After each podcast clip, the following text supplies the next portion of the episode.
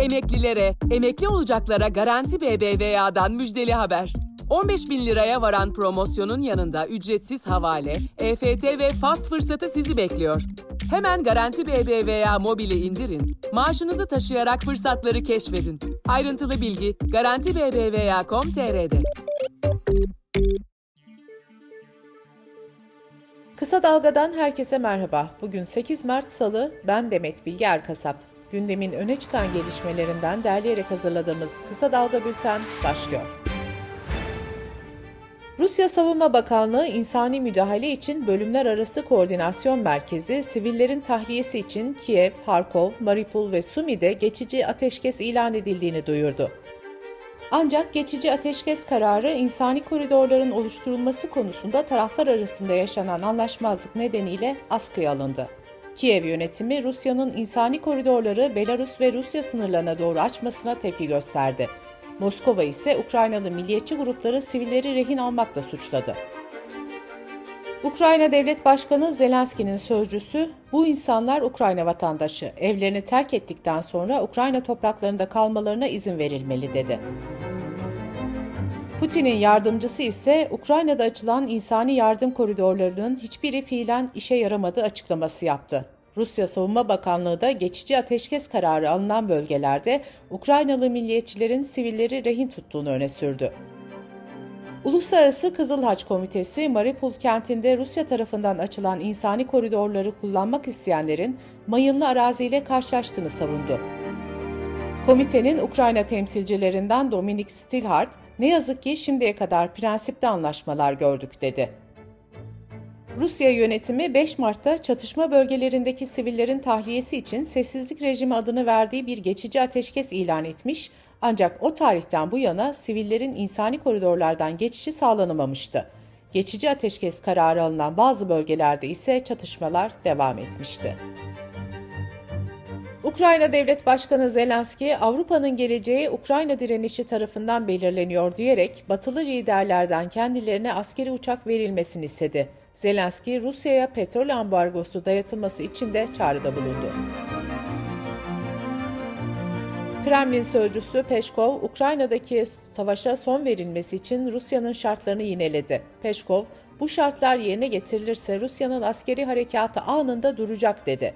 Peşkov şartları şöyle sıraladı. Ukrayna'nın Kırım'ı Rusya toprağı olarak tanıması, Donbas'taki ayrılıkçı cumhuriyetler Donetsk ve Luhansk'ın bağımsızlığının tanınması, Ukrayna Anayasa'nın NATO üyeliği hedefi çıkarılacak şekilde değiştirilmesi ve tarafsızlığın anayasada yer alması. Dışişleri Bakanı Mevlüt Çavuşoğlu, Ukrayna Dışişleri Bakanı Kuleba ve Rusya Federasyonu Dışişleri Bakanı Lavrov'un 10 Mart'ta Antalya Diplomasi Forumu'nda bir araya geleceğini belirtti. Çavuşoğlu ayrıca Ukrayna'dan yola çıkan 204 kişiyle tahliye edilen Türkiye vatandaşı sayısının 11.841 olduğunu açıkladı. Rusya genelinde pazar günü yapılan protestolarda gözaltına alınanların sayısının 5000'e yaklaştığı bildirildi.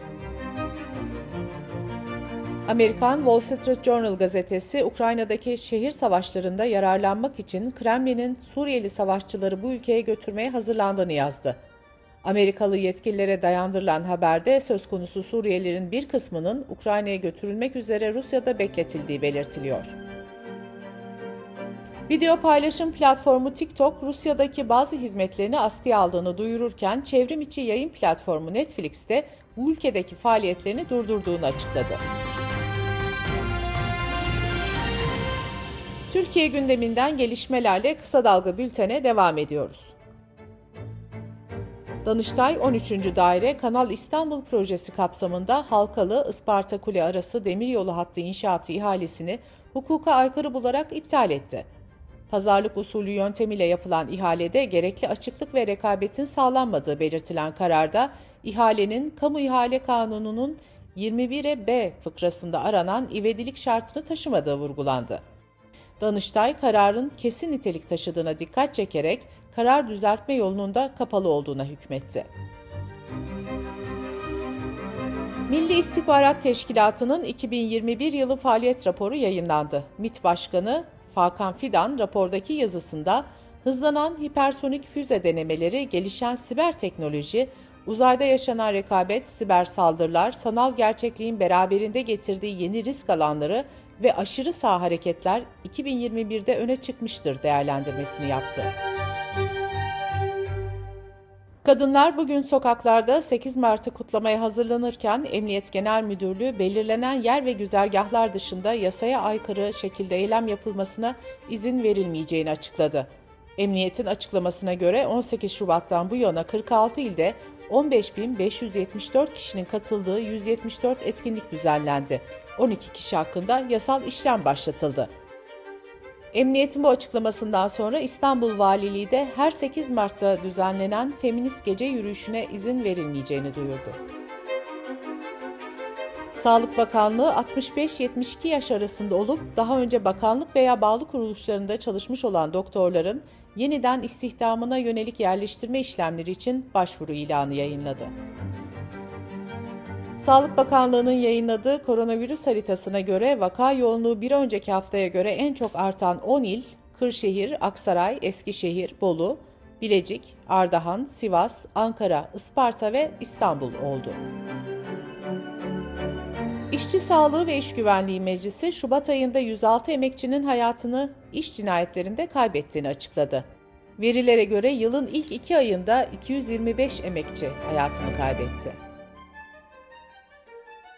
Artvin'de Çoruh Nehri üzerinde inşa edilen Yusufeli Barajı ilçe merkezi ve köyleri su altında bırakacak. 152 yıllık tarihinde 7. kez taşınmaya hazırlanan ilçede 2654 hak sahibi ile aileleri yer değiştirecek. Taşınma işlemi 5 ay sürecek. Sırada ekonomi haberleri var. Akaryakıt fiyatlarına dün yine zam geldi. Benzine 57 kuruş, motorine ise 1 lira 44 kuruş zam yapıldı.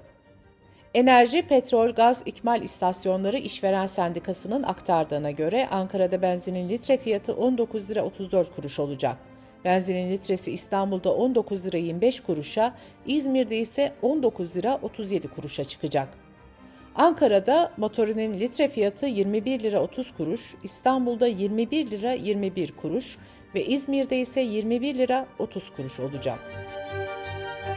Amerika'nın Avrupalı müttefikleriyle Rusya'dan petrol ithalatını durdurmayı görüştükleri yönündeki açıklaması petrol fiyatlarını uçurdu. Brent petrolün varil fiyatı 130 doların üzerine çıktı. Avrupa'da Rusya'nın Ukrayna'ya saldırısı sonrası tırmanışa geçen doğal gaz fiyatlarındaki artış sürüyor. Hollanda merkezli sanal doğalgaz ticaret noktası TTF'de işlem gören kontratların fiyatı 345 euroya kadar yükseldi. Ayçiçek yağı stoklarının yetersiz olduğu yönündeki haberler üzerine Hazine ve Maliye Bakanı Nurettin Nebati açıklama yaptı. Yağ stoğunun bittiğini söyleyenlerin bu ülkeye ihanet ettiklerini savunan Nebati şöyle dedi. Stoklarımızdaki ayçiçek yağı hiçbir şey yapmasak bile Temmuz ayına kadar sürecek nitelikte. Türkiye bir savaş ülkesi değil, Türkiye bir tarım ülkesi. Hiç kimsenin Türkiye'nin üzerinde oyun oynamasına izin vermeyiz.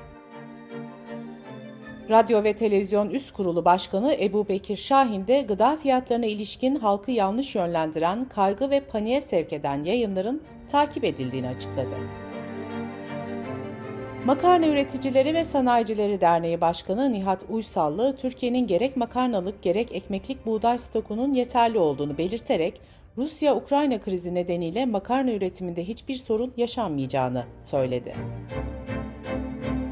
Enflasyon Araştırma Grubu Şubat ayına ilişkin ekonomik analiz raporunu yayımladı. Raporda Rusya-Ukrayna savaşına ilişkin Türkiye ekonomisini derinden etkileyecek kalıcı ve yapışkan bazı sorunlara yol açacağı çok açıktır değerlendirmesi yapıldı. Raporda şöyle denildi. Yaşanan ekonomik krizin giderek derinleştiğini, hane halkının harcanabilir gelirini inanılmaz boyutta ve çok hızlı bir şekilde erittiğini gözlemliyoruz. Döviz kurunu döviz arzıyla baskılamanın sonucunun bütçe dağınıklığı ile yüksek enflasyon oranı olduğu aşikardır. Hazine ve Maliye Bakanı Nurettin Nebati aralarında temel gıda, temizlik ürünleri ve otomotiv sektörünün de yer aldığı birçok sektöre yönelik vergi incelemesi başlatıldığını açıkladı. Kur korumalı mevduatta vadesi gelen mevduatlar için yenileme imkanı getirildi.